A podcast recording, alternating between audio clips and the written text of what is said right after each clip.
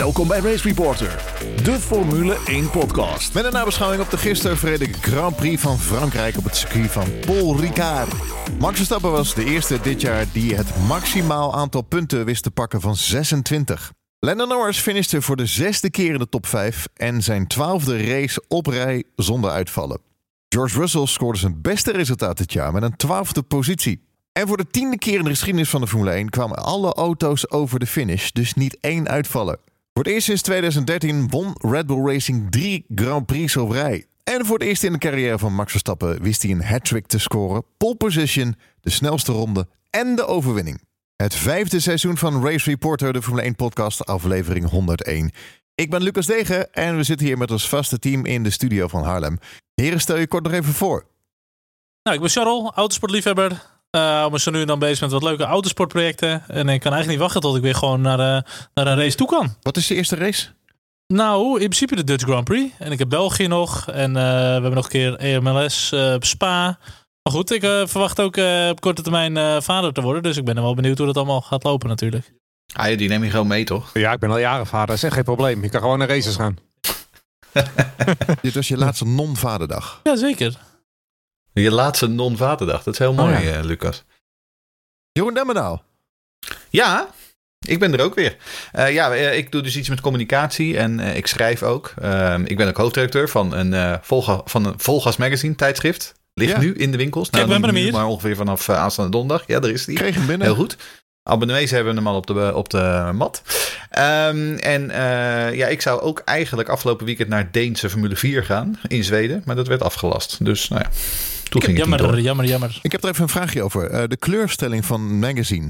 Waar wordt dat ja. bepaald? Want de eerste was de Mercedes groen. Dat wordt bij ons bepaald. Daar hebben wij gewoon zelf een, uh, een idee over. Maar het moeten felle kleuren zijn, want dan valt het lekker op in het schap in de winkel. Oké, okay, heel goed. Wat wordt de volgende kleur? Dus het was groen, het, nu is het paars en de volgende wordt misschien rood of geel. Of, nou ja, we zien Spannend. Wel. We hebben ook nog Jeroen Scholten. Ja, hey, daar ben ik. Ik ben, uh, nou ja, Jeroen Scholten, dat heb je nu al verraden. Oh, sorry. En ik ben uh, vol gasabonnee. Vol gasabonnee ben ik en uh, ja, gewoon racefan. Wat is jouw volgende race? Waar ik naartoe ga, dat ja. is over twee weken naar Oostenrijk, ja. Ja. Oostenrijk 2. Oostenrijk 2. Nee, de echte Oostenrijk. Twee races voor hetzelfde kaartje? Nee. Dat dan weet ik niet. Helaas. Dat is wel jammer. Ja, nee, ja, de Formule 3 gaat erheen. Volgende, volgende week is er, uh, meen ik, bij de Grand Prix van Steiermark is er geen junior serie. Maar uh, de tweede race van Oostenrijk. Oh. Nee, maar de tweede race van Oostenrijk gaat volgens mij de Formule 3. Hoeveelste keer is het jouw Oostenrijk? Tweede. Tweede. Je hebt ook Hockenheim aangetikt, toch? Ja, elkaar heb ik ook Overigens, vaak gedaan. Het is geen, geen junior series in de eerste, maar het is de W-series. Maar goed, het is wel iets in het voorprogramma natuurlijk. Leuk hoor. Eerste race. Is het zo? Ja. Waar zit je? Nee, de eerste race. Ja, eerste race. Ja, maar ik ga naar de tweede race. Ja, maar je had al voorprogramma van de eerste race had je het. Nee, daar komt niks. Ja, de W-series. Ja, dat is niks. Ah, hou eens op. Ja, je, oh, dat ja, is ja. niks. Blijf je er nou doorheen uh, kakelen de hele tijd? Uh, zeker. Hey, dat Dus- is wel echt gewoon 30 minuten en één hele ronde race Ja, precies, uh, ja. spektakel hoor. Heb Dat ik veel. begrepen. Als je even bent plassen, dan mis je de hele wedstrijd. Nou, je doet nu wel stoer, Ja. maar ik denk dat jij, als jij tegen die dames rijdt, die rijden jou helemaal zoek hoor. Dus uh, Eh, ja, maar als ik tegen ga podcast Tuurlijk dan ben rijden die zoek. Oké, maar je, welke, waar zit je op het circuit? Eh, op de tribune. Ah, dat Op een fijn. stoeltje. Nee, eh, als je, eh, de, de, de, je hebt de start. Ja. En dan ga je rechtsaf. Ja. En dan heb je een hele lange tribune aan de linkerkant. En dan Oh. helemaal achteraan daar. Daar ga ik zitten, zeg maar. En dan zit je voor een videoscherm ook. Zeg maar bij de, dat is dan bocht nummer drie, denk ik. Ja, het knikje is Mhm. twee, volgens mij. Ja. Dat knikje is twee. Ja. Nou, daar ongeveer bij knikje zit ik, denk ik. Je kan sowieso best wel veel zien van het circuit. Heel Ja. veel. Ja, eerder zat ik wat eerder op die tribune. eh, Bij de vorige keer dat ik er was. En dan zie je, ja, je, eh, omdat je ziet het, bocht 1 dat ook nog wel circuit dan. eh, ligt zeg maar lager dan de Ja. tribunes. Dus je, je ziet echt twee derde Ja. van het circuit. Zie je. Qua Sowieso? overzicht is het echt, ja, nou, zoiets, ja. maar denk waar je ik. ook bijna zit in Oostenrijk. veel. Die tribunes zijn echt goed hoor. Ja, echt geweldig. en zo. Ja. Top. Leuk. Je ziet echt heel veel. Je ziet ook dat bochtendeel met de, waar, de, waar de boel staat, zeg maar. Dat zie je helemaal. Ja, het, Dus je, je, ziet echt je- wel- je- al je oranje kleren in de was op tijd. Ja, Ja. zeker. Oké, anders ga je daar nog wel wat halen. Waar gaan we het over hebben in deze aflevering? Aflevering 100 voor mij, 101 voor jullie. Eh, ik heb er eentje gemist, maar dat... eh, Nou, we hebben er wel iets meer gemist. Ja. dat dacht ik ook. Ja. Ja, de zegen van Max, eh, Red Bull Racing, dat eh, Mercedes keihard aftroeft. Sterk weekend voor McLaren. Ferrari daarentegen totaal onzichtbaar. De opmars van Seb Vettel. Wat dit allemaal betekent voor de WK. Een vooruitblik op de Grand Prix van Steiermarken. En natuurlijk de, eh, das der den uh, Loistra's vragen. Oh. De Franse Grand Prix, ik vond het wel, ik zeg het altijd, ik vind het een super mooi circuit. Ik vind het een fantastische track. Het is altijd spanning. En uh, het was ook dit keer weer puntje op de stoel na ronde 20. Want de eerste 20 rondes waren nou niet echt. Uh... Nee, nou ja, maar het is op zich wel mooi toch? Dat een, dat een kutbaan ook gewoon een goede race op kan leveren. Uh, dat, dat, dat, van tevoren, van tevoren was ik er niet zo heel erg van overtuigd. en ik geloof dat ik na zes rondjes wedstrijd ook tweette van... Kom op jongens, nog 47 rondjes volhouden. Dan is het weer over. Ja. Um, maar dat was natuurlijk veel te vroeg. Want uh, uiteindelijk bleek het een uh, razend interessante wedstrijd. Uh, vooral tactisch gezien. Um, en um, ik wist tot op, en velen met mij, tot op de allerlaatste ronde niet wie deze wedstrijd ging winnen. wederom niet. En dat is toch wel gewoon erg fijn.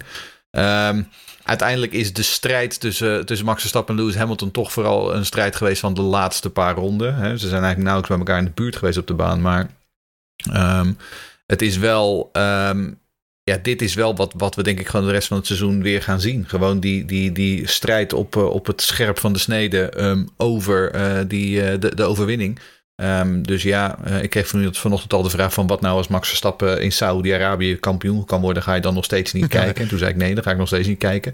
Maar ik geloof ook niet dat Max Verstappen in Saudi-Arabië al kampioen is. Ik vind het sowieso te vroeg om nu al... Dat is de ene laatste race, hè? Ja. ja, maar dit is wel zo'n seizoen wat echt ook wel tot de laatste race door kan gaan. Nee. Maar ja, ik hoop dat het denk niet. ik ook. Ik hoop ja, dat niet. denk ik niet. Er is zo'n uh, YouTube-kanaal, kennen jullie wel? Cheer, Cheerchain. Beer- Die inderdaad. Je had alle statistieken een beetje ernaast gelegd. Ik weet niet of je het film gezien hebben. Hij zei dat dit het spannendste seizoen is sinds 2010. Ja, sowieso. Maar het is ook gewoon... eh, Als Statistisch je, gezien, ja. de, degene die nu een steekje laat vallen, die, die moet meteen weer de Ja, achtervolging altijd inzetten. Heb je daar statistieken voor nodig dan? Ja. Ja, nee. Ik bedoel, dat de afgelopen paar jaren... Ja. Nee, tuurlijk. Maar Maar goed, dat is hetzelfde als mensen die zeggen dat dit de meest fantastische race was in de afgelopen tien jaar of zo. En dat natuurlijk eh, eh, strategisch gezien en eh, spanningstechnisch vond ik het heel spannend tegen Max. Maar puur racebreed, zeg maar, vond ik het nou niet dat ik zeg dit was de race van de afgelopen tien jaar. Dus het wordt ook wel weer heel gehyped in de waan van de dag. En dat, ik vond het wel echt een, een vette race hoor. Dit is wat we willen zien. Wat ik vooral heel mooi vind was dat de eerste, ik weet niet wanneer de eerste pitstops waren in ronde 20 of zo, of ronde 18. En daarna heeft eh, Max, maar ook Lewis, heeft volgens mij eh, echt alleen maar voluit gereden. Ze hebben niks meer kunnen sparen. Daar hebben ze gewoon geen mogelijkheid toe gehad om banden te sparen of zo.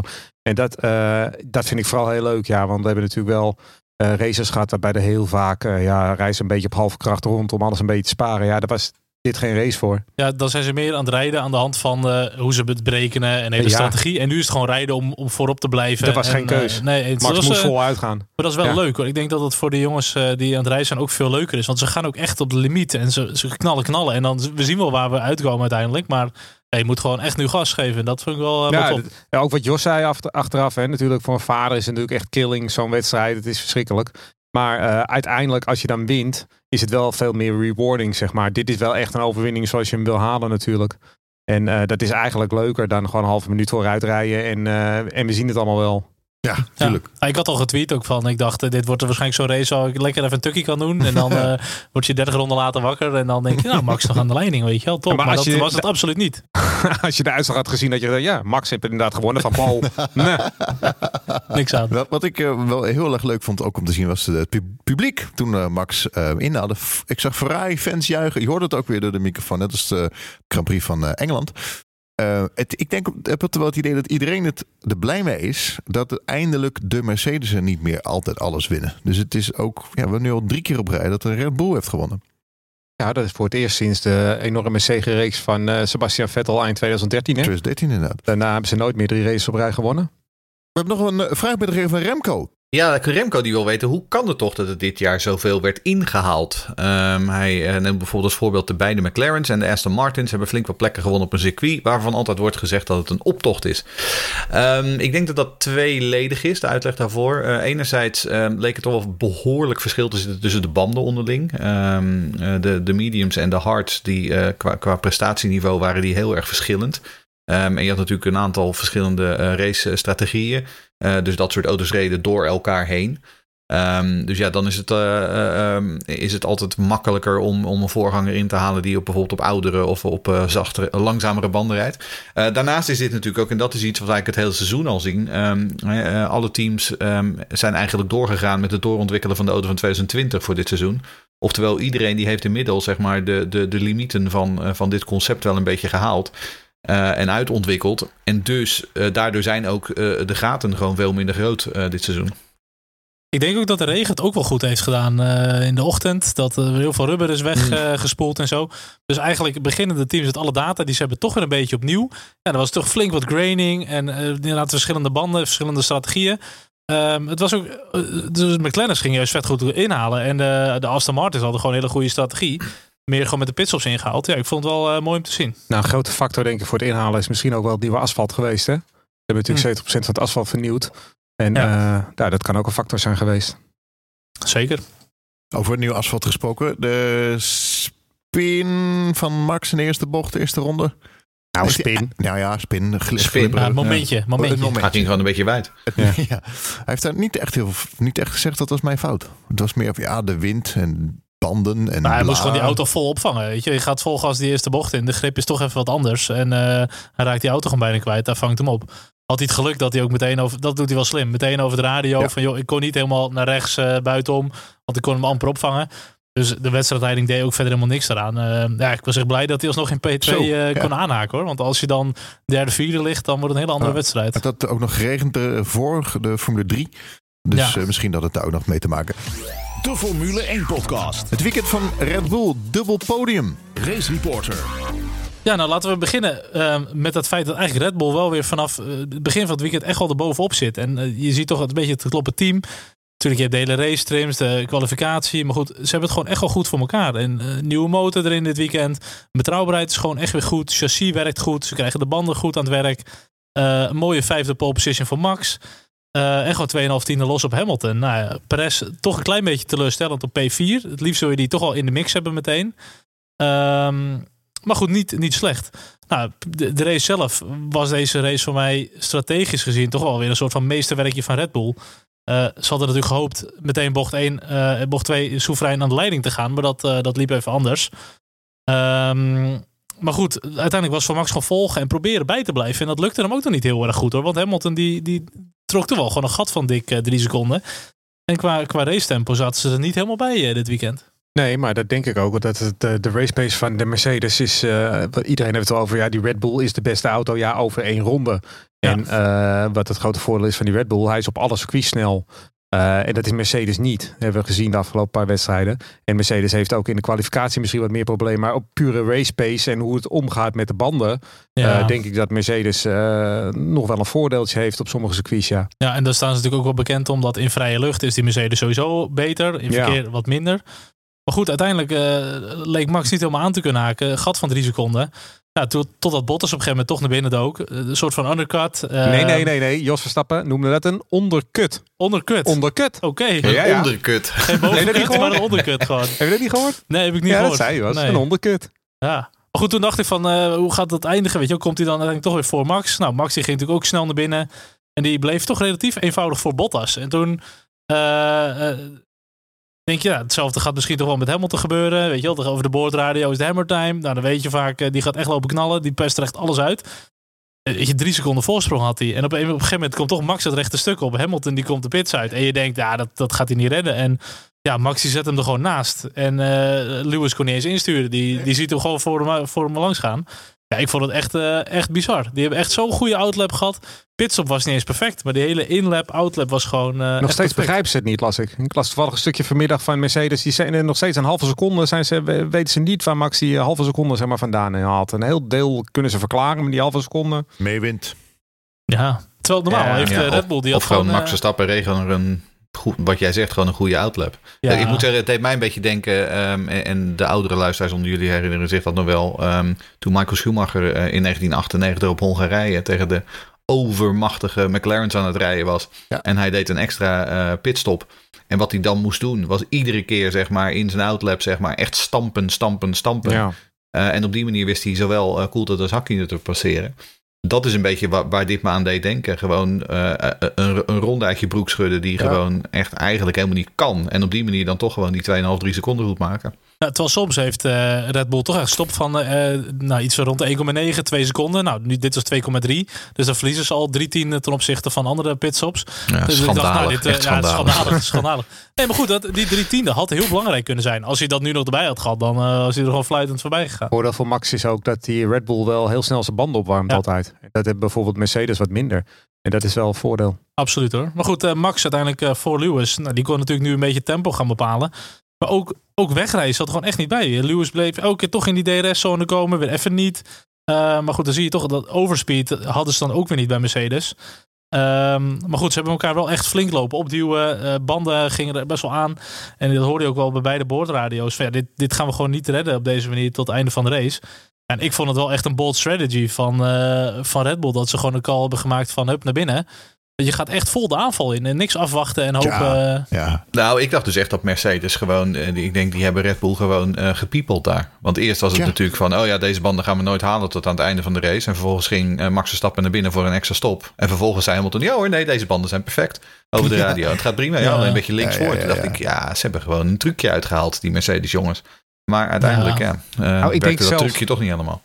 Wat jij dacht, dat dacht ik dus ook. Maar achteraf denk ik dat het trucje eigenlijk precies andersom was. Want ik denk eigenlijk, als je... eh, eh, Hamilton zet daarnaast stopt natuurlijk onwijs veel druk op, eh, op Verstappen. Hè? En die Mm. heeft echt zo, hè, dus dan offer je ook je banden op. Ik denk dat Mercedes eigenlijk altijd van plan is geweest om twee stops te doen. Alleen, Verstappen ging extreem vroeg naar binnen voor zijn tweede stop. Ging eerder. Je had, Ja. je had, ja. Ik had- dacht echt, die blijven nog vijf tot acht rondes blijven ze nog rijden voordat ze naar binnen gaan. Oh, en ik denk vroeg. dat Mercedes dat ook dacht. Maar toen Max eenmaal naar binnen ging, dan kan je niet anders meer. Want als je erachteraan gaat, ja, je zit er al achter, dan blijf je erachter. En dat, Ja, dat het enige wat je dan nog kan doen is doorrijden en hopen, hopen dat je het redt. ja. Ja. Maar het was ook wel, het was wel lastig inderdaad. Want als, als Hamilton naar binnen was gedoken, als hij echt binnen de DRS van Max zat en hun hadden weer de undercut, dan, dan kan hij er zo toch weer voorkomen. Dus dan, ik vond het wel een bold move van, van Red Bull dat ze naar binnen hebben gehaald.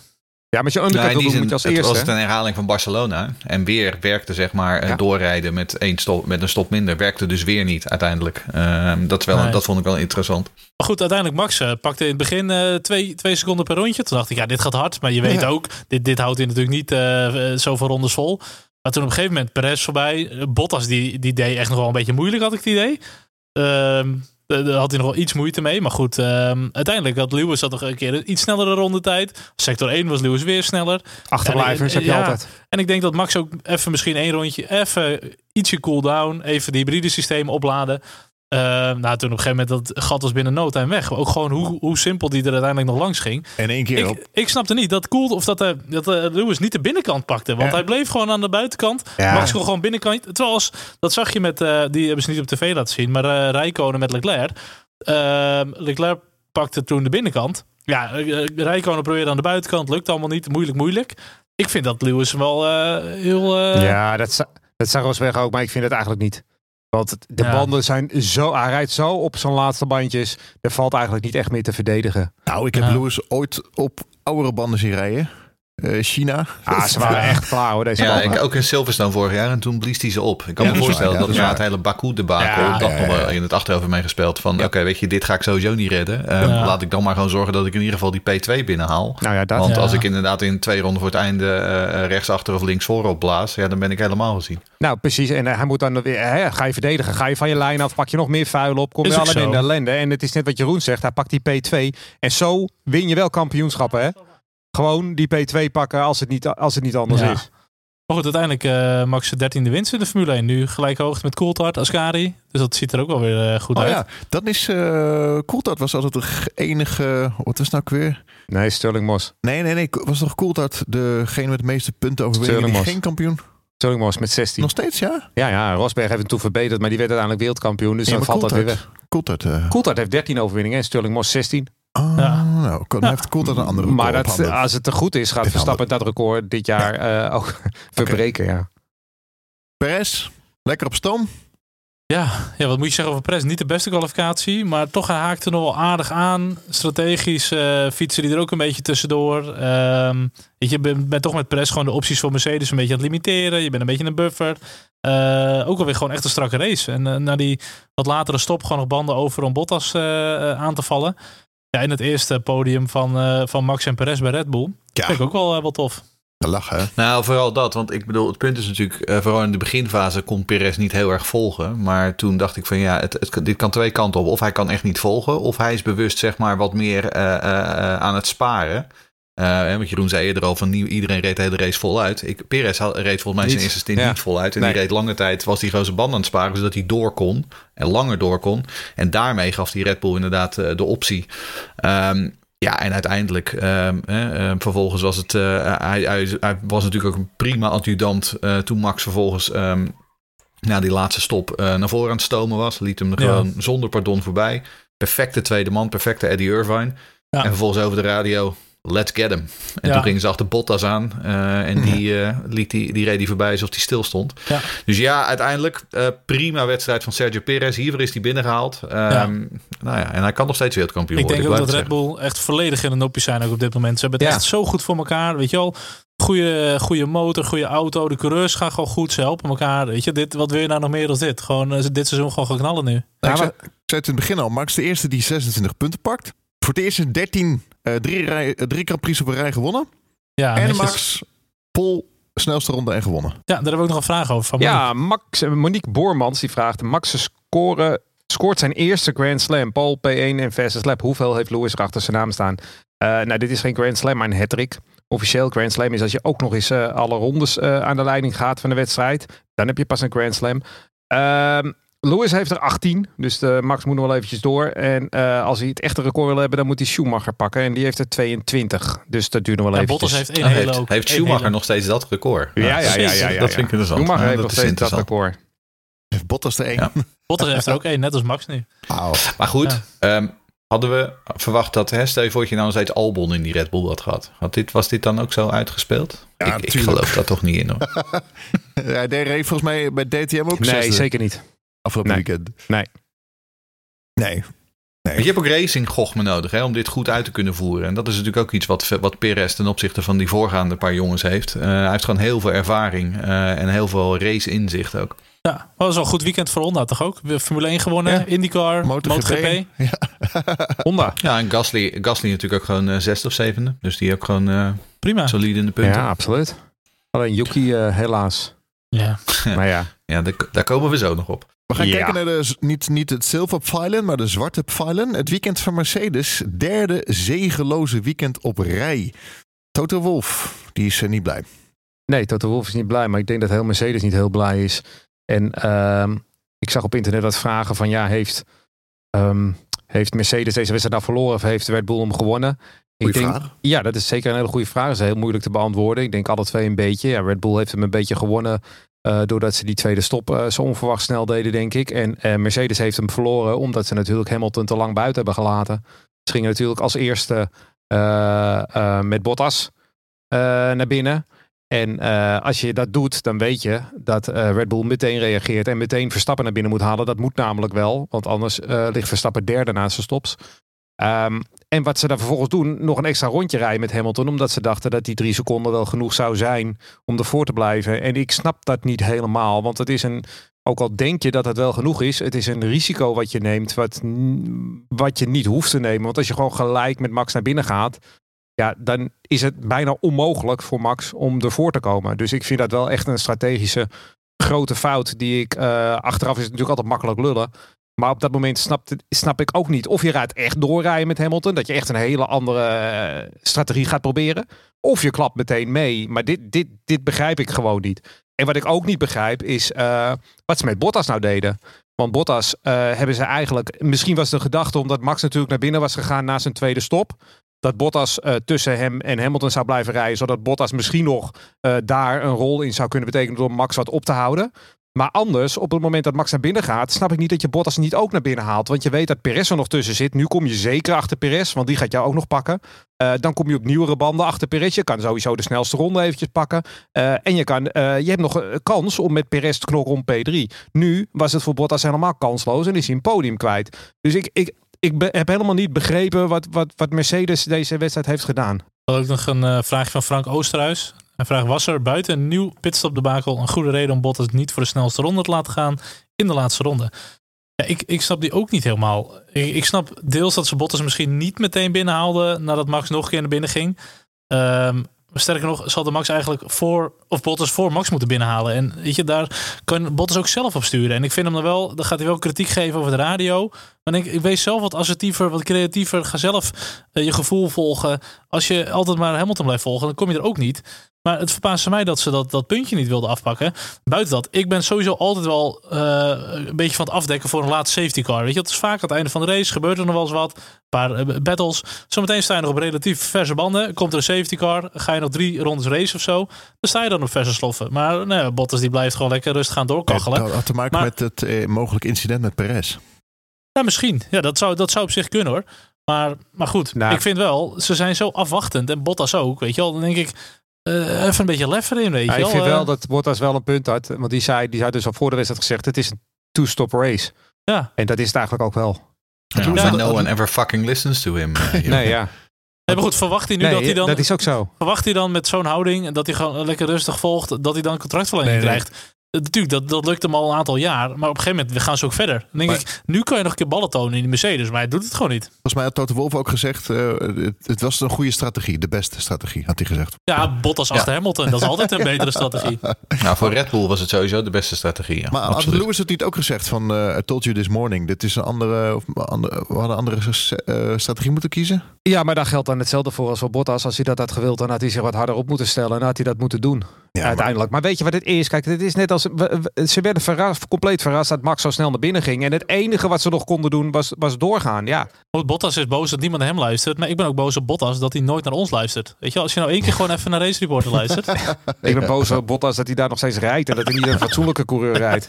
Maar ik moet wel zeggen, boze Bottas baalde wel. Maar hij zat er wel eh, redelijk achterloos aan eh, een tijdje. Dus die omdraaien van het chassis, waar we het de vorige keer over gehad hebben. Ja, maar hij staat wel gewoon 15 kampioenschap. Nee, maar Achter deze Norris. race zat hij er wel weer bij. Ja, ten nee, dat is van de vorige race. Ja. Het is wel een spannende strijd hoor, trouwens, met Norris om die vierde plek. Zo, echt, echt eh, wel. echt een hele Zo. boeiende strijd, Ja. vind ik. Ja, het is echt heel Maar goed, we hebben ook nog een vraag van Guido Piquet. Want die eh, hè, pakt een iets breder eh, perspectief. En die zegt, wat is er nou toch eigenlijk mis bij Mercedes? Eh, los van de resultaten lijkt het niet meer de eenheid te zijn die het was. Veel geschreeuw van zowel Hamilton als Bottas over de tactiek. Fouten die de schuld zijn van Bottas of de tactische kant. En dan Toto die niet bepaald de rust lijkt te bewaren. Wat nu, vraagt Guido zich af. Nou, topsport is vooral, vooral op dit niveau, een mentale sport. Ehm, en ik denk dat daar het grootste verschil zit. Kijk, want hoe, wat is er los bij Mercedes? Nou, als je kijkt naar de stand in het kampioenschap, niet zo gek veel. Het is nog steeds gewoon een topteam. Het is nog steeds een team dat gewoon races wint en dat gewoon een razendsnelle auto heeft. Maar dit is de eerste keer in 6, 7 jaar dat ze echt een fight on their hands hebben. Ehm, en ze moeten iedere wedstrijd razendscherp zijn eh, om Red Bull te kunnen verslaan. En nu, de afgelopen drie races, is dat gewoon niet gelukt. En wat gaat er dan gebeuren? Ja, dan gaat er toch gewoon wat, hè, dan gaat het tussen de oren zitten. Dan beginnen er toch gewoon wat twijfels in te, eh, te sluipen. Beginnen mensen zich toch af te vragen. Ja, al die procedures en al die eh, benaderingen die we de afgelopen zes jaar hebben gebruikt, werken die nog wel? Dus je gaat twijfelen. En dat is een beetje wat er volgens mij gaande is. Ehm, en ja, wat nu? Het enige wat Mercedes kan doen is gewoon keihard doorwerken en eh, blijven analyseren. Ehm, want eh, zoals Jeroen net al zei, ze hebben nog steeds geen idee waar ze die laatste halve seconde hebben verloren. Nou ja, Ja. ze zullen iedere steen omdraaien totdat ze het in hun ogen doorhebben. En dan eh, over komend weekend in Oostenrijk gaan ze weer door. Ehm, maar dat, dat is volgens mij gewoon wat hier gaande is. Dit is echt gewoon topsport op, eh, op het allerhoogste niveau. En dat is ook waarom deze eh, kampioenschapsstrijd zo ontzettend boeiend is. En verder moeten we vooral oppassen met ze te snel afschrijven. Hè? Want ze hebben gewoon Ja, nog een verschrikkelijk absoluut. goede auto met een hele goede race pace. Blijven Duitsers, hè? Ja. Dus in die laatste fase moet je sowieso altijd oppassen. Gaat het, eh, Gary Lineker? Ze hadden wel gezegd dat als, als we ze hier verslaan, als Red Bull Mercedes hier verslaat op, eh, op deze baan, dat is een Mercedes-baan, ook qua motor. Jawel, maar dat houdt niet in dat Mercedes niet weer terug kan slaan in, in, eh, in absoluut Oostenrijk. Nee, weet je, dus. Nee, nee, nee. nee. Kijk, want Red Bull, het geldt ook voor Red Bull. Hè. Red Bull moet Ja. ook gewoon razendscherp blijven. Ja, ja, ja. Iedere wedstrijd weer. En wat die, die, die presteren op dit moment ook op 105, 110 procent van hun kunnen. Ja, we- het is dus niet ik zo... bedoel, en dat is wel wat het, wat het juist zo mooi maakt. Want je hebt dus gewoon die twee giganten, Hamilton en Verstappen, die allebei op het top van hun kunnen zitten. eh, eh, Ja. en, en elkaar constant proberen de loef af te steken. En Ik dat is wat ook, eh, eh, topsport zo mooi maakt. Ik denk ook dat je niet echt meer die Red Bull en Mercedes banen hebt zoals dat voorheen hadden. Weet je, die topsnelheid van Red Bull is nu Mhm. ook gewoon echt goed. Dus het, eh, het is wel iets. Wel mooi. Ja, maar dit zat ik aan te denken, want eh, jij zegt die topsnelheid. Dat komt ook omdat, ja, Lewis die zei iets wat volgens mij niet klopt hoor. Dat hij Eh, bijna 3,5 tiende verlies op het rechte stuk. Dat was volgens mij wel heel erg Ja. overdreven. Maar eh, ze hadden, die die Mercedes motor is, is, of dat toch de snelste is, dat weet ik niet. Maar zal het nu ook niet een beetje gaan meewerken dat die Andy Cowell daar weg is? Want die is nu een jaar geleden opgestapt, hè, 1 juli. En uiteindelijk, ja, het schijnt toch wel een, een, een hele belangrijke man te zijn geweest. Ja, en is het ook niet zo dat het nu zo was hier in Frankrijk dat Honda die extra motor zou krijgen? De- of die, die, die extra, dat extra vermogen erbij zou brengen? Ja, ja, dat was ook zo. Ze hebben inderdaad wat extra vermogen gekregen. En natuurlijk het hele verhaal van die achtervleugel, hè, die eh, bij Red Bull, eh, ja, die wat minder downforce zou hebben, waardoor ze natuurlijk wat minder drag hebben. Nou, Mercedes heeft het zelfs nog iets anders gezegd in eh automotor en sport. Hebben ze gezegd dat zij vermoeden dat, dat, dat Red Bull zelfs de rake van de, de, de achterkant van de auto nog iets hoger heeft gezet, waardoor die stand van die vleugel eigenlijk nog iets lager is, zeg maar. Maar Ja. waardoor ze dus extra downforce wel weer genereren, omdat hij weer wat hoger... Een heel ingewikkeld verhaal. Maar zij, zij vermoeden dus dat Red Bull daarmee aan het spelen is. En daardoor een relatief lage achtervleugelstand kan eh, hanteren op dit soort circuits. Toch ben ik wel benieuwd, hè? want het gaat nu steeds over die achtervleugels, die voorvleugels met de flex en zo.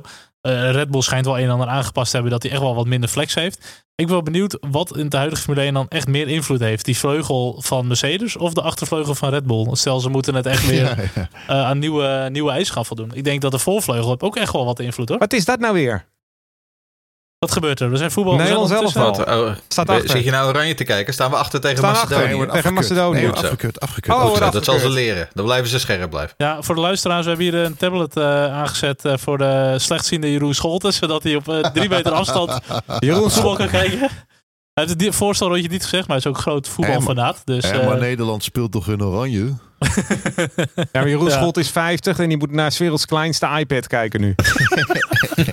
en alsnog zag je wel dat Macedonië bij de score. Noord-Macedonië. Goed zo. Zullen we het over het middenveld gaan hebben, jongens? Ja, is goed. Eh, nog heel even over de flex, flexwings. Want we hebben het over Oh, ja. Nee, we hebben het niet over flexwings. We hebben- heel het vervelend, wel. heel saai. Ophouden nu. Nee, we hebben het kort over gehad voor Baku. Toen kwam het bandenverhaal. Het was Ja. niet meer interessant. En nu gaat het toch wel iets spelen. Want afgelopen weekend werd, eh, werden beide mannen Wolf en Horner eh, door Sky en Rosberg Ja, die eh, was leuk, ja. op het blok voor het blok gezet. Via gaat wel de voorvleugel van eh, Mercedes onderzoeken. Ja, daar heb ik ook een vraag over van Tim. Heeft Red Bull een punt om volgende week misschien een protest in te dienen tegen de papieren voorvleugel van eh, Mercedes? Want die eh flext als een A4'tje in de wind, zegt eh, Als een Zegt Tim. A4'tje in de wind Als ook een gewoon. A4'tje in de creatieve wind. vraag dit. Leuk. Een hele creatief gevonden vraag.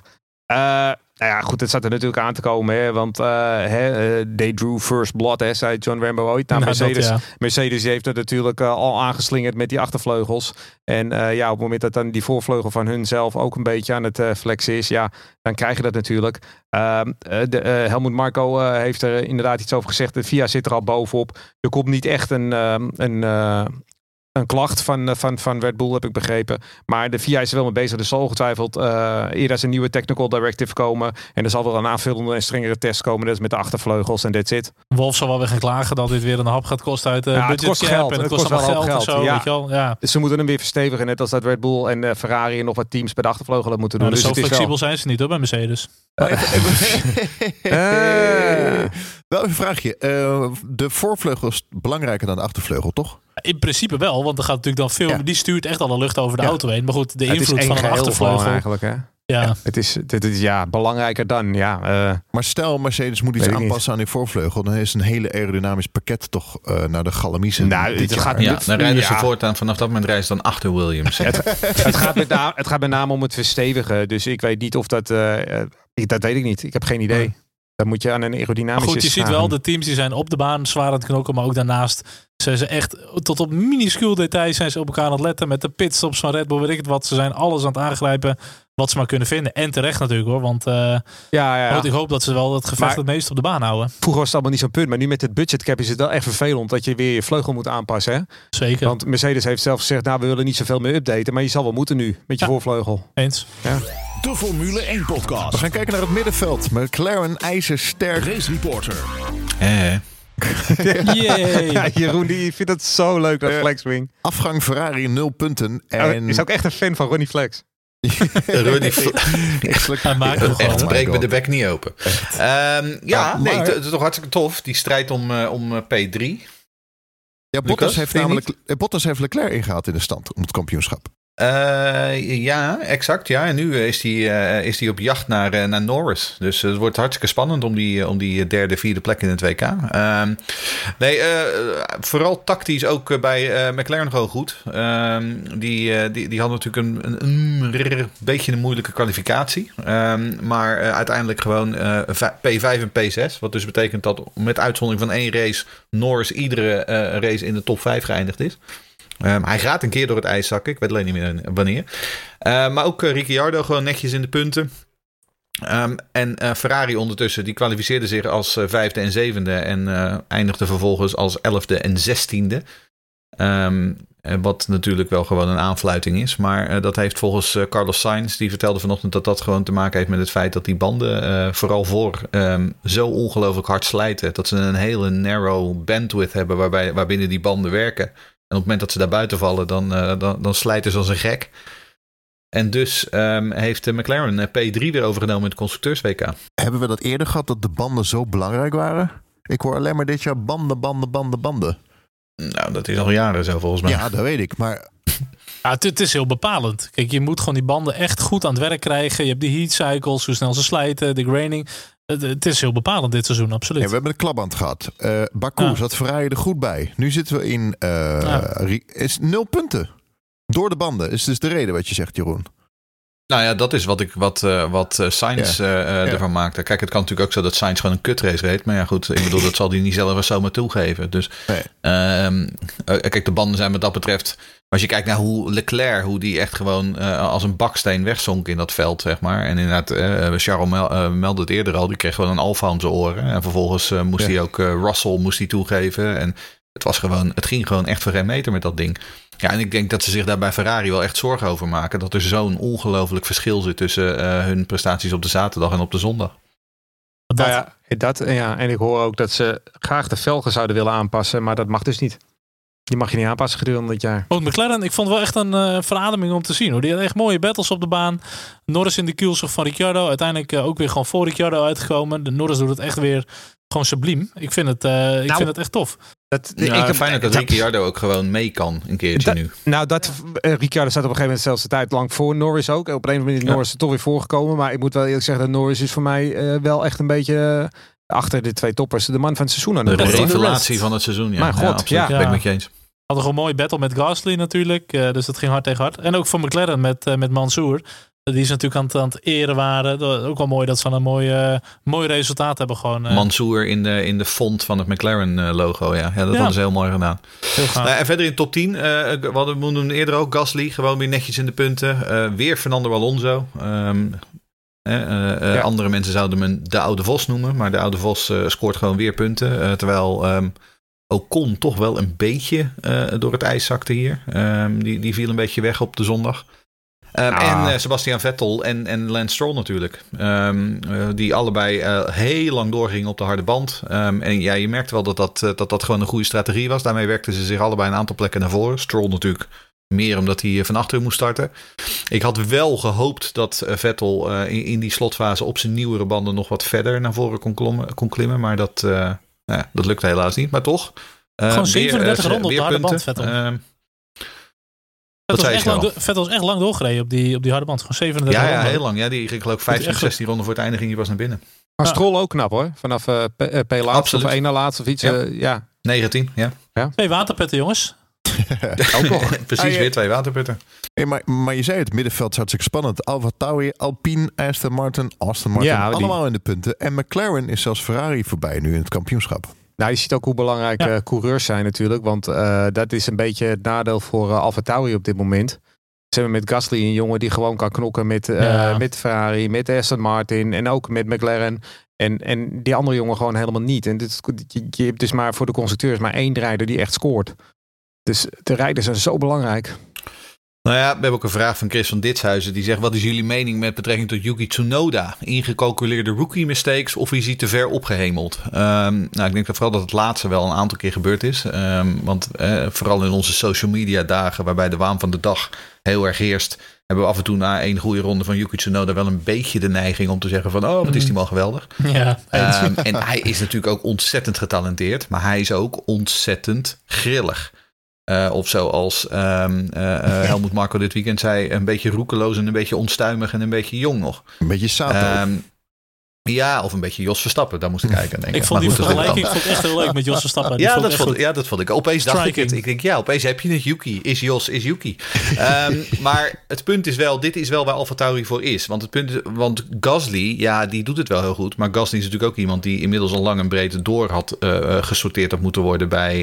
Um, uh, ze hadden door moeten selecteren bij Alfa Tauri, alleen ze kunnen dat niet. En Gasly is wel iemand die gewoon de puntjes binnenhaalt. Maar het zijn jongens als Tsunoda en later waarschijnlijk de Liam Lawsons en de Yuri Vipsen van deze wereld. Dat is waar Alfa Tauri voor uh, gemaakt is. Want Alfa Tauri is uh, de, kra de kraamkamer voor, uh, voor Red Bull. waar uiteindelijk gewoon de toekomstige wereldkampioenen klaargestoomd moeten worden. Dus ja, ik denk, ik, ik, ik hoor, iemand vroeg me van het weekend ook al van ja, moeten ze de Albon er niet erin zetten? Ja, maar waarom dan? Nee, Want dat, dat, dat, Nee. dat, dat, dat, dat, gaat he, dat druist helemaal tegen de redenatie in van eh, waar Alfa voor bedoeld is. Want Albon is al ge, ge- gebogen, die is al veel te licht bevonden, Ja. die is afgeserveerd. Ik, vind ook, ik denk dat het een lastig pakket is ook waar Alfa Tauri in zit. Want je wil op zich voor 2022 nieuwe reglementen. Nou, Gasly wil je eigenlijk gewoon sowieso houden gewoon om die auto te ontwikkelen. Eh, Yuki, Yuki, moet je, ja, Yuki moet je eigenlijk ook gewoon eh, nog een jaartje zien te geven. Tenzij ze natuurlijk echt een veel betere optie hebben. Eh, dat ze denken, we hebben nu iemand die is klaar om naar de Formule 1 te gaan. Die willen we nu echt gaan klaarstomen om binnen één of twee jaar naar Red Bull te gaan. Ik, het is lastig voor ze, denk Ja, maar dan is het dus, dan kijk je dus, nou, dan heb je Vips, dan hebben we Los en dan hebben we Daruvela. Ja, ik zie in alle Ja. drie van die jongens zie ik nog geen eh, directe enorme verbetering ten opzichte van Tsunoda. Nee. En wat ik eerder al zei bij Mercedes, hè, dit is topsport en het zit vooral tussen de oren. Dat schijnt toch vooral, ook als je hoort de, de commentaren van eh, Frans Tost ook, eh, dat het mentaal en qua ehm, eh, de hele benadering van Yuki Tsunoda, dat dat toch hetgeen is waar nog het grootste, het meest aan schort. Dat hij gewoon eigenwijs is, dat hij een beetje koppig is, dat hij niet echt, niet echt Ja. luistert, zeg maar, als ze hem wat vertellen. Dat is ook de reden dat ze hem dichter bij die fabriek hebben gehaald, zodat ze gewoon hè, wat beter op hem kunnen letten. Ja, en daar moeten ze vooral mee aan de, aan de slag. Want in de basis is het natuurlijk een ontzettend snelle coureur. Maar dit mag ook een prima leer zijn, leerjaar zijn voor Yuki. En dan maak maar even die stomme fouten nu.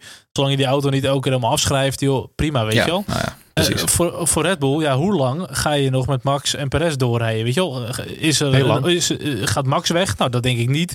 Eh Perez Nee. kan ook echt nog wel één of twee jaartjes mee. Goed, op een gegeven moment moeten ze natuurlijk wel Eén of twee kijken, jaartjes. Nou, Perez kan nog wel vijf jaar mee hoor, op deze manier. Nee, maar goed, uiteindelijk wil Red Bull vaak wel jonge rijders, eh, jonge talenten, weet je wel, die willen wat frisser zijn. Dus ik denk ook niet dat ze nog vijf jaar met, eh, met Perez gaan rijden, maar wie weet. Nou, dat, weet ik, dat weet ik eh, niet, want ze zijn op zoek naar een wereldkampioen. En een wereldkampioen, Ja. die hebben ze al.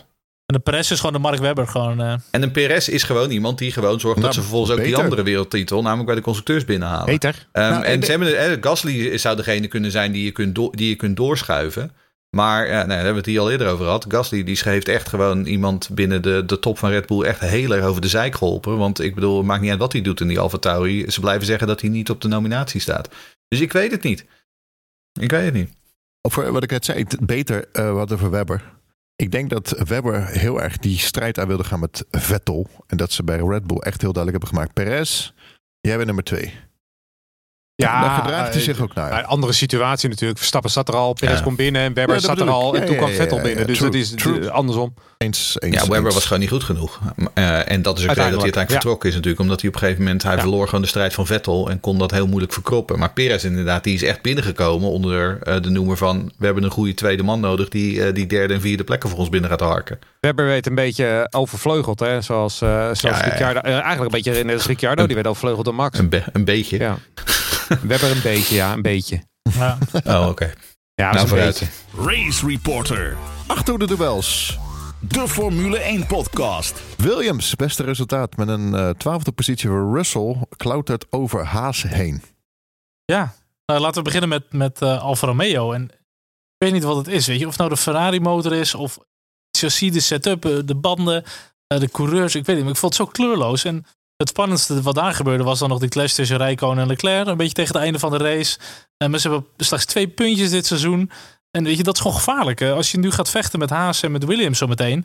Ja, mocht er dan één keer een knotsgekke race staan, dan staan ze in één keer voor je in het kampioenschap. En dan wordt het echt heel duur hoor. Ik had vanochtend met een collega erover. Ik zeg Alfa Romeo, dat is dat team waarvan ik altijd denk... Oh ja, die doen ook nog mee. Eh, Maar- het, is, het is wat je zegt, het is zo ontzettend kleurloos. De- het straalt ook gewoon helemaal niks uit. Ook met, met, die, hu- met dat huidige rijdersduo niet. Nee, maar goed, Giovinazzi, ik ben er sowieso nooit gecharmeerd van geweest. En leuk, het is een Italiaan en zo.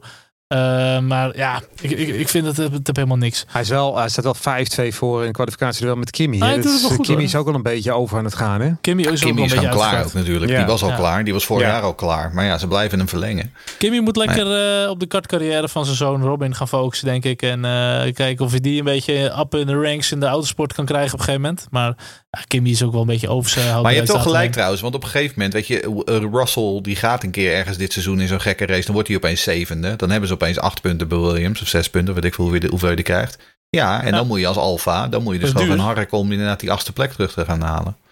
Ze hebben wel één dingetje om, om te vieren. Ze hebben nu meer dan 1 miljoen volgers op Instagram. Ja, nee, echt top. Nou, kijk echt top. En door. En door. Verder hebben we Russell. Nou, die had eigenlijk gewoon echt een mega goede race. P12. Het was het dat alle coureurs aan de finish zijn gekomen deze race. Iets wat trouwens ook eh zelden Ja. gebeurt. Voor de tiende keer was dat. Goed, Russell zat wel beginfase weer achter Latifi. Maar uiteindelijk wel echt goed, goed race pace, goede strategie. Eh, profiteren van wat duels op de baan. eh, P12. Ja, de- belangrijk voor hun, voor nu in de strijd eh, voor het constructeurskampioenschap. Eh, voorbij Haas. Goed, ik mag ook hopen dat je, dat je als Williams zijnde voor Haas kan finishen, hoor. hè? Ja, dat mag ik wel hopen inderdaad, ja. Ja, hoor. Nee, 1-0 Nederland. Nee. Oh. Sorry, doelpuntje. Wat? Hij, Memphis. hij, heeft Macedonië Memphis. gescoord? Nee, Memphis. Oh, Nee, oh Noord-Macedonië. We werden al wat stiller. ja, Ja, we zagen hier ja een aanval op Rutte die geeft er van elleboog. Ja, gele kaart. Ja, maar Rutte heeft er morgen al geen eh, herinnering meer aan. Ja, Belangrijk, hè? Dat is wat vindt wel Wim. Wim Lex ervan? Dat is belangrijk. Ontiteling Vindt Wim Lex er ook nog wat van? juicht. Ja, goed. Goed. Nog dat eh, wat betreft eh, Williams. Ehm, we hebben nog een vraag van Klaas Meijer. Die vraagt: Opvallend dat Russell zo hoog is geëindigd. Heb het niet op beeld gezien. Heeft hij weer de pech dat er niemand uitvalt? Gaat hij nog een punt pakken dit seizoen? Nou, dat is eigenlijk waar ik net al een beetje op doelde. En je mag toch hopen dat Russell Doelde. toch wel weer een keer, eh, zeker, nog een puntje gaat pakken. Ja, hij is gewoon echt goed in de kwalificaties. Zijn races bouwt hij ook gewoon beter op. En het moet gewoon echt een keer zijn kant opvallen. En je hoopt toch een keer op zo'n knotsgekke race waar hij het in kan doen. Weet je, er zijn eh, zoveel financiële injectie met Dorling Capital, Capital. En ze hebben het nu gewoon goed voor elkaar. Maar dat komt er nog niet echt uit, eh, de potentie. Hij, hij moet wel echt een keer beter starten overigens hoor. Want gisteren lag hij ook na vijf ronden weer 18e achter Latifi. Achter toen dacht Latifi, ik van ja. ja, weet je, die, ve- die 14e startplek, op deze manier doe je er niks mee. Als je er niks mee doet, en dat is keer op keer op keer. Kijk, en uiteindelijk herstelt hij zich wel inderdaad tot een P12 in die slotfase. Maar hij moet echt beter starten. Ik heb liever dat, hij beter, dat hij beter finisht, hoor. Nou ja, ook dat. Maar vaak, Maar eens, vaak helpt het een en ander wel een beetje. Ja, Ja, het helpt wel, ja. Schumacher en Mazepin zijn geen vriendjes meer. Maar dat waren ze eigenlijk al niet meer. nee. Nee, een beetje veroordeeld tot elkaar zijn ze eigenlijk gewoon. En eh, de relatie was natuurlijk al niet echt heel best. Helemaal naar Baku niet. eh, dat eh Mazepin op de finishlijn nog even dacht... we gaan even het gat er even helemaal dichtrijden. Maar goed, het is gewoon kansloos achteraan met Haas. En dat wisten we. Geen ontwikkelingen Ja. bij het team.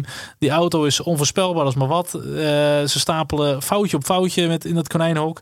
Het is echt dramatisch om te zien. En het is ook niks meer van het Haas hoe dat ooit is begonnen in de Formule 1 met. Gene Haas. En weet je al, heel veel dingen kopen gewoon van andere teams en weinig zelf ontwikkelen. En dat deden ze vrij goed. Er is gewoon geen schim meer van wat het ooit had moeten zijn. Dat. En ik vind ook eigenlijk. eh eh valt Schumacher mij ook een beetje tegen, hoor, moet ik eerlijk zeggen. Want het verschil met Maaspin is eigenlijk niet heel erg groot. En ik vind dat je een jongen als Maaspin, die moet je echt helemaal op een hoopje rijden. Als je een echt groot talent bent. En dan Het wordt wel- ook kleiner, het verschil tussen hem en me. ja, ook dat nog eens, ja. ja. Dus ehm Ja, en, hij, en hij rijdt gewoon te veel auto's kort ook. Hij moet er echt, daar moet hij ook een keer Schumacher mee ook, ophouden. zeker. Schumacher, ja. ja. niet veel minder Want dan ik bedoel, we, Maaspin. we lachen allemaal wel om Mazenspin inderdaad. Maar ik bedoel, Schumacher heeft nu zowel in Monaco als hier in, eh, ehm, op, op hele dure momenten ook gewoon eh, een, een Ja. auto kort gereden. Wat Ja. gewoon echt niet goed is. Nee. Nee, maar goed, de, de, de lol van Mazepin is er al een paar races af. Volgens mij, dat was eh, kort. Maar ja, ik vind het, eh, ik vind het lastig. Weet je. Ah, Schumacher die, die heeft vaak natuurlijk ook wel tijd nodig om een beetje op gang te komen. Maar eh, tot nu toe laat hij nog geen mega indruk achter of zo. Nee, maar dat doet Schumacher dus ook niet. Had ik het Maar over. dit- dit- oh, je had het over Schumacher. Oh, sorry. Hij had het over Schumacher. Nou ja, maar goed, dit is natuurlijk... Iedereen wil dat het dit gaat eh, worden en dat hij op termijn in die Ferrari kan. Maar ik bedoel, hij heeft natuurlijk Nee. op dit moment helemaal, echt helemaal niks in die Ferrari te zoeken. Giovinazzi Nee. ook niet trouwens. Maar kijk, en, eh, ik, ik, het is een grijze plaat, maar je moet Schumacher, die had gewoon in die Alfa moeten zitten. Want dan had hij in ieder geval nog wat meer, misschien op punten kunnen rijden en in ieder geval een betere auto gehad. ja. Het enige waar we qua haas op naar vooruit kunnen kijken is de Netflix-serie. We waren afgelopen weekend bij Aston Martin. Oké. Dat is Oh. echt het enige. Ja. Maar zo'n zo'n Schumacher, want we hebben het over Giovinazzi. Maar zo'n Schumacher is toch helemaal niets beter dan Giovinazzi. Behalve zijn achternaam. Nou, dat, dat weten we niet. Nou ja, dat, dat zeg ik Want. Schumacher rijdt. Ja, maar Ik dat vertel het niet. jullie. Want, Ik vertel dat het weten we niet. Want, nee, ja, maar dat is dus, want Schumacher heeft namelijk zowel een F3 als een F2-titel op zijn naam. Giovinazzi heeft ze allebei niet gewonnen. Ja. Daarnaast rijdt eh, Schumacher op dit moment in een konijnenhok, wat gewoon afgetekend 19 of 20ste wordt. Terwijl Giovinazzi in een betere auto zit. En dit is dus waarom je als je Ferrari Ja. bent en je wilt wat met Schumacher, vanwege zijn commerciële waarde, die hij overduidelijk heeft, dan moet je hem dus in een iets meer competitieve auto Nou, zetten. En niet ik- in dat konijnenhok eh, van eh Uralkali. Je moet hem hier sowieso niet nog een jaar in gaan laten rijden. Weet je, prima Nee. leerjaar. Dat hadden we ook met Ricciardo bij HRT. Dat is allemaal goed, weet je wel. Maar daarna moet je wel gewoon door. Ja, maar Ehm, wie weet wat Kimmy Weet je. Callum Islet, die wil je ook niet in die, eh, in die Alfa hebben. Ben ik ook niet super van onder de indruk. Nee, dus, misschien, maar misschien stopt Kimmy ermee. ja, nee, maar goed. Dus eh, Schumacher volgend jaar naar Alfa, van mij prima. Dan kan je hem wat beter gaan, gaan wegen, zeg maar. Ja. We gaan eh, het, kijken naar de titelstrijd. Ja, het is nog wat vroeg, maar toch leuk om er even over te hebben. Ah, genoeg strijd. Nou, genoeg, st- genoeg. ah, ik, vond het, Lekker ja, speculeren, vroeg, maar ik wel een, eh, Verstappen we, en kunnen we. Red Bull vergroten hun voorsprong. Max had in theorie, als hij geen klap had gehad, drie races kunnen eh, winnen op rij. Hij heeft nu 131 punten en Hamilton 119. Het mooie is, sinds Monaco heeft Red Bull 99 punten gepakt en Mercedes 37. Dus als je het hebt over een eh, change of fortune, zeg maar, dan is dat het wel. Max heeft nu 12 punten voorsprong. Dat is natuurlijk helemaal niks. Dat maakt verder ook niet zoveel uit je een 12 punten voorsprong hebt of, of 8 of, of, of, of 14. Maar ehm, het is wel zo, eh, wat denk ik een hele grote rol gaat spelen in eh, deze WK-strijd, is hoe ver je bent bereid te gaan. Omdat het, kijk, normaal gesproken doe je zo'n wereldtitelstrijd en dan ga je volgend jaar verder. Uh, nu is het anders, omdat volgend jaar alle regels veranderen en we hebben een budgetcap. Dus alles wat je nu uh, spendeert, heb je En, en volgend jaar Honda gaat weg. kan je volgend jaar niet meer doen. Ja, Honda gaat ook weg. Um, je, je, moet je dus afvragen hoe ver je bereid bent om alles op alles op deze titelstrijd te zetten. Wat dus het grote risico inhoudt dat je volgend jaar uh, ja. met een achterstand gaat beginnen aan het nieuwe seizoen. Hè? Een beetje wat we ja. ook hadden met de Braun in de tijd. In dat jaar dat Braun won. Ik denk dat Red Bull heel diep wil gaan. Ja. Want Nou, volgend maar jaar dat is dus- nul garanties. Ja, en vorige keer met de Ja, maar je moet niet, reglementenwijzigingen. ja, ik zit een verhaal te vertellen. Ja, dan ga nee. jij, ga jij Jeroen, mijn punt nu je moet afmaken. gewoon even luisteren nu. Ga moeten op, Frederik eh, Jalving. Maar Nee, ik denk dus, wat, wat, ik denk dus, wat, wat, wat, wat wat, wat Charles niet zo heel duidelijk verwoordt, zal ik nu even duidelijker verwoorden. ik denk dus, ik, ik denk dus dat Red Bull bereid is om eh, eh, alles op alles te zetten, zelfs zover zou willen gaan dat het ze volgend jaar eh, punten kost. Om, om nu maar die wereldtitel te winnen. En ik denk dat, dat, be- dat die bereidheid bij Mercedes kleiner is. Zeker. Ja. Mercedes heeft Zo. natuurlijk ook al min of meer aangekondigd dat ze niet meer zo ver veel gaan ontwikkelen. Of misschien nauwelijks nog maar doorontwikkelen. Maar ik denk dat eh, Red Bull echt alle registers open gaat trekken om deze wereldtitels binnen te halen na zoveel jaar. Nou, dat was niet zo moeilijk, mooi, toch? Ja, dat zegt te het vertellen. mooi, Dat gaat toch veel korter? Ja. Hamilton? Ja, maar dat, Nee, Spannend. maar eens, eens. ik denk dat dat een hele grote factor is. Hoe Ja. ver ben je bereid te gaan? Want het True. gaat je volgend jaar gewoon punten kosten als je nu helemaal tot het eind gaat. Maar dan nog, je hebt volgend jaar nul garantie. Dat zie je ook wel eens met die reglementswijzigingen. Dan denk je, nou, Red Bull gaat het weer goed doen. Niet. Weet je wel, dus Je hebt dit- je hebt dit jaar ook nul garantie trouwens hoor. Maar dat terzijde. zeker. Laatste, Ah, ja, nou, dat is het dus. Hè? Want je kan alles op alles zetten en nog geen wereldkampioen worden aan het eind van het jaar. En dan heb je dus helemaal niks. Precies. En volgend jaar begin je met een achterstand. laatste, dat is het risico. De laatste keer, ehm, wanneer werd eh Button kampioen? 2009. 2009 ja. Nou, in 2010 hadden we een heel spannend seizoen, maar toen, toen die re- regelwijzigingen Ja, kwamen... dat was 2009. Ja, toen kreeg 2008 hadden we Ja. natuurlijk uh, strijd tussen McLaren en Ferrari. In 2009 eh, begonnen McLaren en Ferrari heel slecht aan het seizoen. Ja. Hè? Die wonnen helemaal niks. Nee. Eh, en dat was puur gingen tussen Braun en Red Bull. Ja. En dat kwam, Ja. ook, dat kwam ook daardoor, zeg maar. En dat heb je nu nog erger, want nu heb je nog een budgetcap ook. Vraag ben ik gekregen van Martin. Martin. Eh, hoe serieus zijn de titelkansen van, van Max? Hij rijdt dit weekend pole en wint. Maar niettemin is eh, Mercedes in race pace gewoon sneller. En zouden zij eh, deze dus moeten winnen. Hoe ziet de eindstand eruit na de laatste race? Al dus de podcasters. Nou ja, wat ik net al een beetje heb aangegeven. ik denk dat Red Bull bereid is om verder te gaan dan Mercedes dit jaar. Dus ik ehm, denk dat bij de constructeurs Red Bull dit jaar wereldkampioen gaat worden. En bij de coureurs zal het allemaal denk ik wat ehm, eh, krapper worden. Maar ja, goed, dan, dan, dan, zou ik ook, als ik het nu moet zeggen, zou ik ook voor Verstappen gaan. Maar dat is wel een shot in the dark, want dit is niet alleen maar ontwikkeling waar we het over hebben natuurlijk. Nee, wij, wij leven soms ook wel een beetje in de waan van de dag. Maar ik denk het momentum ligt echt bij Red Bull. Ja, Ook bij Max. En je ziet het, weet je, achter de schermen gaat de strijd. Maar het totaalpakket van Red Bull ziet er gewoon echt Is heel goed uit. En ik denk echt dat die, die hebben nu echt die drive. Weet je, Mercedes zit al zo lang aan top. Eh, ik, ik denk echt dat Red Bull en Max eh, eh, dit wel over de finish weten te trekken. Nou, kijk, die Martin, die, Martin die vraagt dus, oh, die zegt dus over de race pace van Mercedes is beter. Ik ben het wel deels met hem eens, hebben we het net al over gehad. Maar wat ik dus wel denk, wat het grote nadeel is van Mercedes, en hebben we dus eerder gezien in Baku en Monaco, die zijn dus niet overal snel. En er komen ook nog wat andere krappe, eh, moeilijke baantjes aan natuurlijk. Hè? Hongarije, Zandvoort. Ik heb geen idee, als ze daar weer niet meedoen, ben je weer twee races kwijt. Dus het, het, en, en eh, Red Bull lijkt dat probleem niet te hebben. Die zijn op iedere baan snel, momenteel. Dat is een voordeel. Vraag ben ik kregen ook nog van Sven Brandsma. Eh, ja, Sven die vraagt, ehm, is, die heeft een hamvraag. Daar zijn we altijd een groot fan van. Ehm, hij vraagt, ke- keken wij gisteren naar de kampioenschap winnende race van Max Verstappen? Want we hebben een teamgenoot die in het juiste ritme zit en van toegevoegde waarde is. Plus een power unit die laat zien minstens zo snel te zijn als die van Mercedes. Ehm, nou, ook dit heb ik eerder al een beetje beantwoord. Eh, nee, absoluut niet. Dit was niet de kampioenschapswinnende race van Max Verstappen, want we hebben er nog eh, 38 te gaan. Of ongeveer. Ehm, en ik denk dat dit tot aan de laatste race eh, heel erg spannend wordt. Ehm, en dan gaat Max Verstappen uiteindelijk inderdaad, daar ben ik met Jeroen eens, die gaat eh, kampioen worden. Daar heb ik vertrouwen in. Maar ik denk wel ook dat het het hele seizoen nog ontzettend close gaat blijven. Want uiteindelijk gaat het allemaal om hele dunne marges. Hè? Eh, Lewis Hamilton Ja. had gisteren ook zomaar eh, Ja. de race kunnen winnen... als Ja, eh, de achterblijvers misschien wel beter gevallen waren... of weet ik maar wat. En dan had je gewoon weer op achterstand gestaan. Dus ik, ik, ik, ik, vind, ik vind het mooi. en Charles heeft het net over de waan van de dag. Absoluut, we moeten met z'n allen heel erg trots zijn en heel erg blij zijn. Maar dit wordt een strijd echt ehm, op leven en dood tot aan het eh, de allerlaatste weekend wat mij betreft. Ja, dat. Kijk, nu maakte Max het verschil nog in de laatste anderhalf ronde. Maar ik denk niet als we aan het einde van het seizoen dat we terugkijken, dat we denken, ja, Paul Ricard, dat was dat moment waar die echt de titel, zeg maar, waar het, waar Ja, die snelste omslagpunt ronde, kwam. dat- die ene punt. Ja. Nee, ja, het, zou, het zou kunnen. Ja, het zou wel maar- kunnen. hè. Het kan, maar het kan, als het kan het- natuurlijk altijd een als- omslagpunt zijn in een seizoen. Maar Maar als het ja, maar is het, seizoen dan, zo- is het dan ja, dit punt voor een snelste Nee. ronde? Of is het Ja, de snelste ronde die die in. Zandvoort of op. Hongarije of op Spa pakt? Ik bedoel... Dat.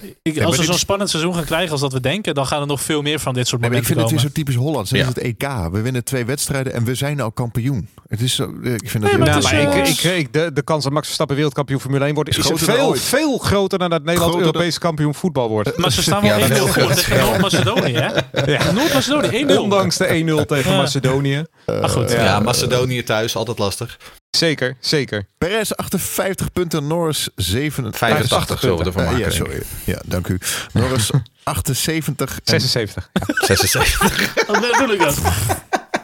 Mijn god. En ik zit Hoeveel heeft Bottas er aan dan? de 0%. Je zit gewoon random nummers voor te lezen. Geen Bottas er. Hoeveel punten heeft Bottas? Eh, ja, nu heb ik een, eh, een puntenblok.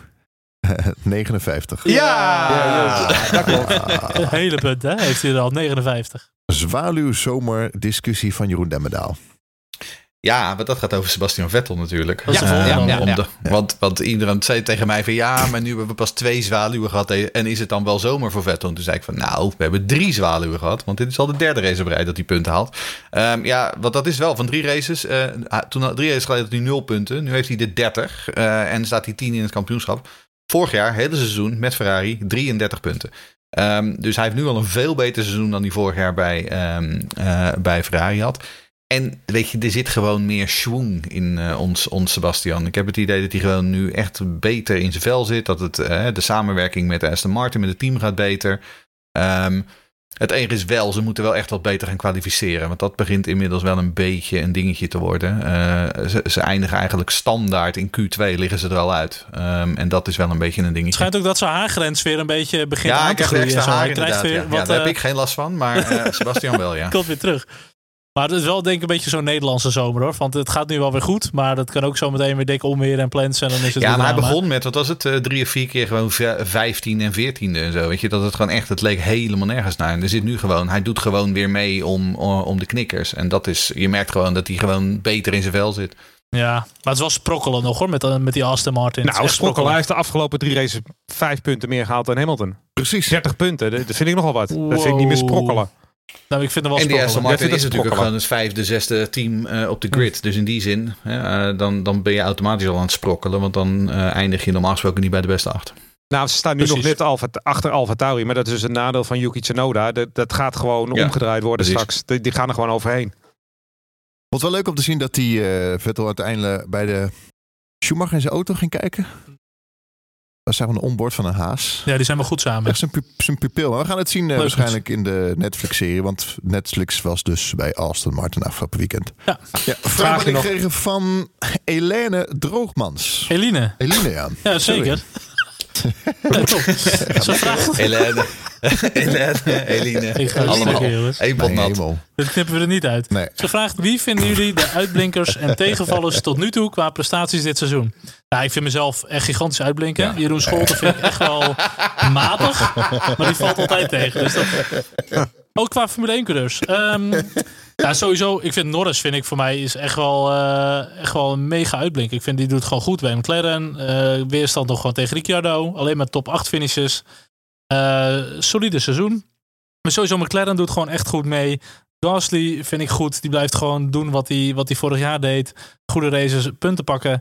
Ehm, ja, natuurlijk, weet je, we hebben allemaal de usual suspects. Eh, Vettel die komt alweer een beetje op gang waar we het net over hadden. Max gaat natuurlijk goed. Ehm, qua tegenvallers, ja, ik vind Bottas, maar dat is ook iemand die valt altijd wel een beetje tegen. Ricciardo ook wel iets hoger verwacht, maar goed, hopelijk komt hij nog wel een beetje op stoom. Alpine, hè? Eh, Alpine, ja, ja. Maar Alfa Romeo vind ik echt eh, gigantisch slecht. Gewoon een stabiel team. Maar praktisch nul resultaat, twee puntjes. Nou, Williams valt nog steeds tegen. Daar hebben we het net ook over gehad. Met Dorrington, eh, ka- kapitaalinjectie, maar er komt gewoon helemaal niks uit. Ferrari, mis je nog. Ja, Ferrari, dat is ook ook heel grillig. Ja. En Haas wist Ja, er vind- het van. Ik moet zeggen, ik vind ADO en VVV heel erg tegenvallen dit seizoen. Ehm, maar zeker. eh, jij hebt het over die, die kapitaalinjectie van Doralton. We weten niet hè, wat daarvan terechtkomt. Want het zou heel goed kunnen dat als jij Doralton bent, dat je nu denkt van ja, weet je, ehm, eh, d- dat konijnenhok wat we nu een beetje moesten doorontwikkelen van vorig jaar, dat, dat wordt er toch niet. Wij gaan ons volledig op die auto voor 2022 richten. Kan. Ehm, dat weten we niet. eh, maar dat zou me niet verbazen als eh Doralton eh, het vizier volledig op de toekomst gericht heeft. Maar de rekeningen kunnen gewoon betaald worden. Dus ze kunnen gewoon stabiel racen. En ze hoeven zich daar niet meer druk om te Dat is maken. Maar goed, ja. En eh Maas binnen Schumacher hebben we natuurlijk ook al over gehad. Die maken ook gewoon fout op fout. Maar dat is ook niet gek in die auto. Dus dat zijn voor mij een beetje de uitblinkers en de, de tegenvallers. Eigenlijk iedereen dus. Ja, zo'n beetje iedereen. Sommigen Ja, die vallen ja. mee en sommigen vallen tegen. We gaan kijken naar de komende Grand Prix. Steiermarken. Op de, vroeger was het op de A1-ring, de Red Bull Ring, Spielberg. Nou, als er iemand eh, verstand van heeft, is het Jeroen Schot wel. Want die is er al eh, heel... Heel veel. Ik ben er wel één vaak keer, eh, geweest. als we elkaar ben, ik er zeker één keer geweest. Ik ben er maar één keer in Oostenrijk geweest. Nee, één keer bij de Grand Prix van Oostenrijk. Ja, Ja, heeft hij ja verteld. bedoel ik. Ja. en dan Ja, gaat nee. En, binnenkort- en de volgende week twee keer. Ah, ja. 29 juni om drie uur de race, de kwalificatie. De dag 29? ervoor natuurlijk. Eh 27. ik weet niet, ik heb getallen vandaag. Wat is, dat is geen 0 voor 0 bier wat je hebt hoor. Ja, ja, ja. Je hebt al drie keer Ja, 0 zo, voor die- 0 dus die. Echt, Grand hè? Prix die zeggen ze op eh, 34 oktober. 0,0 bier. Ik ga naar huis jongens. Ik ga 0,0 gewoon naar huis. bier is voor hem waarschijnlijk 5,3 bier of zo. eh. Eh, ja, kwalificatie 26 juni.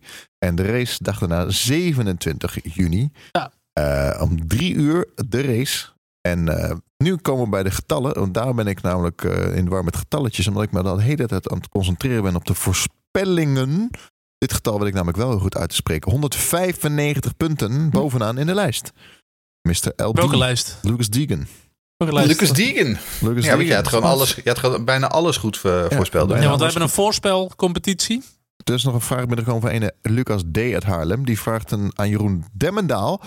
Ja. Als Nederland tegen Zweden speelt in die finale, voor wie ben je dan? Als Nederland tegen Zweden speelt in de finale, ah, dan ben ik wel voor Nederland, ja. Maar dat is ook gewoon omdat Zweden het niet verdient eh, met dat afzichtelijke spel. Ik weet, niet of je gezien, ik weet niet of je gezien hebt tegen Slowakije, maar, Maar dat wat mag een niet. kuttoernooi moet het zijn als Nederland tegen Zweden in de finale komt. Zeg. Nou, dan wordt het wel echt een kuttoernooi, ja. Nou, maar goed, Zweden moet volgens mij in de volgende ronde, als alles een beetje mee zit, gewoon tegen Engeland. Eh, en dan gaan ze Oh. gewoon ten onder. Ja. Eh, want ze kunnen helemaal niks namelijk. Ehm, de enige die er nog wel wat van kan is eh, Alexander Isaac. Maar die kan het ook niet alleen doen. Dus Die spits, ja. Nee. maak je geen zorgen, eh, Lucas. Ik support er over Oranje. Heel goed, voorspellingen doen. 1, 2, 3. Ik had dus gewoon een perfecte score, hè? Dat, dat, dat vergeet je. Je zegt, oh, Lucas de Eagles staat bovenaan. Charles, perfecte score. Een hat-trick. Ja, een eh, Grand gewoon een Slam. hat-trick. Nee, geen Grand Slam. Heel goed. Gewoon een hat-trick. Ik had Dus gewoon dat, alles fout in de top drie. Ben ik wel trots op. dat is ook best wel knap. Oké, wie begint? Ja, jij staat bovenaan, Lucas. Dus jij mag beginnen. Nou, ik doe denk ik gewoon hetzelfde. Ik, eh, ik ga jou naapen. ik ga jou naapen. En zeg ik, Verstappen, Hamilton, Perez, Stroll. Oké. Heel lafjes. Dan doe ik Verstappen, Hamilton, Perez, Vettel. Oeh. Ja, Ik doe dan, Verstappen, eh, Perez, Hamilton en eh Ricciardo. Oeh. Hamilton, Perez, Norris en 10 wordt Stroll. Het valt mij wel op dat jij nooit eh, Verstappen noemt op het podium. Nee, doe ik niet meer. Heb ik eh, de, eerste twee, de eerste twee races of zo gedaan en toen werd het niks. Dus ik denk, nee, doe ik niet meer. Pom. Nou, Daniel had het allemaal bij. Daniel F1 op Twitter. Heb je nou die mok al even toegestuurd het Daniel? net zeggen. Het kan echt niet. Daniel, helemaal te mokken nu, hè? Hij staat Lucas klaar. gaat hier nu even eh, excuses aanbieden aan het publiek. Ja, sorry Daniel, de mok komt eraan. Hij komt eraan, hij komt eraan. Hij staat klaar. Adres staat erop, stickertje komt erop. En dan Oké, krijgt hij hem. top. Donaties. Ehm, ik eh, kan niet vaak genoeg zeggen. We hebben tegenwo- tegenwoordig eh Tikkie. Eh, dat is wat makkelijker. Of op je mobiel gewoon lekker doneren. En dan kunnen we...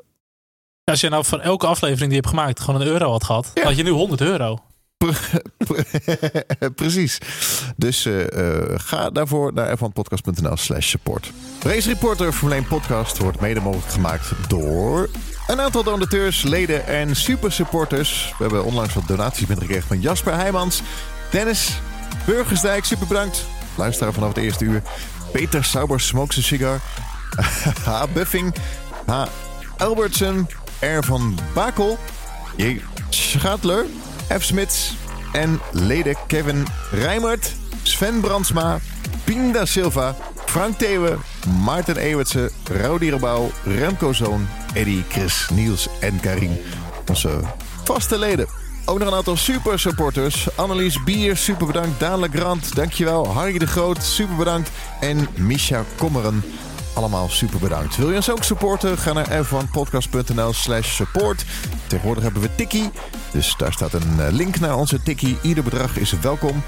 Ga naar f1podcast.nl slash support. Heren, we gaan snel voetbal kijken. Ehm, dank jullie wel weer. Was een mooie Grand Prix. Doet Jasper nou van Unraced ook nog een donatie vanuit Peter Sauber Smokes a Cigar? Ja, mooi hè? Nee, dat is een Super totaal bedankt. andere persoon natuurlijk. Maar hij Ja. doet toch vanuit Jasper, vanuit Unraced en vanuit Peter Sauber Smokes a Cigar Hij is, gewoon een, donaties. hij is gewoon een fan en hij, hij schrijft ook artikelen over ons op zijn website. Eh, Jasper is een, eh, is een grote vriend van de show. Heren, dank jullie wel. Graag gedaan. Tot volgende week Yay, alweer. tot volgende week. Volgende week.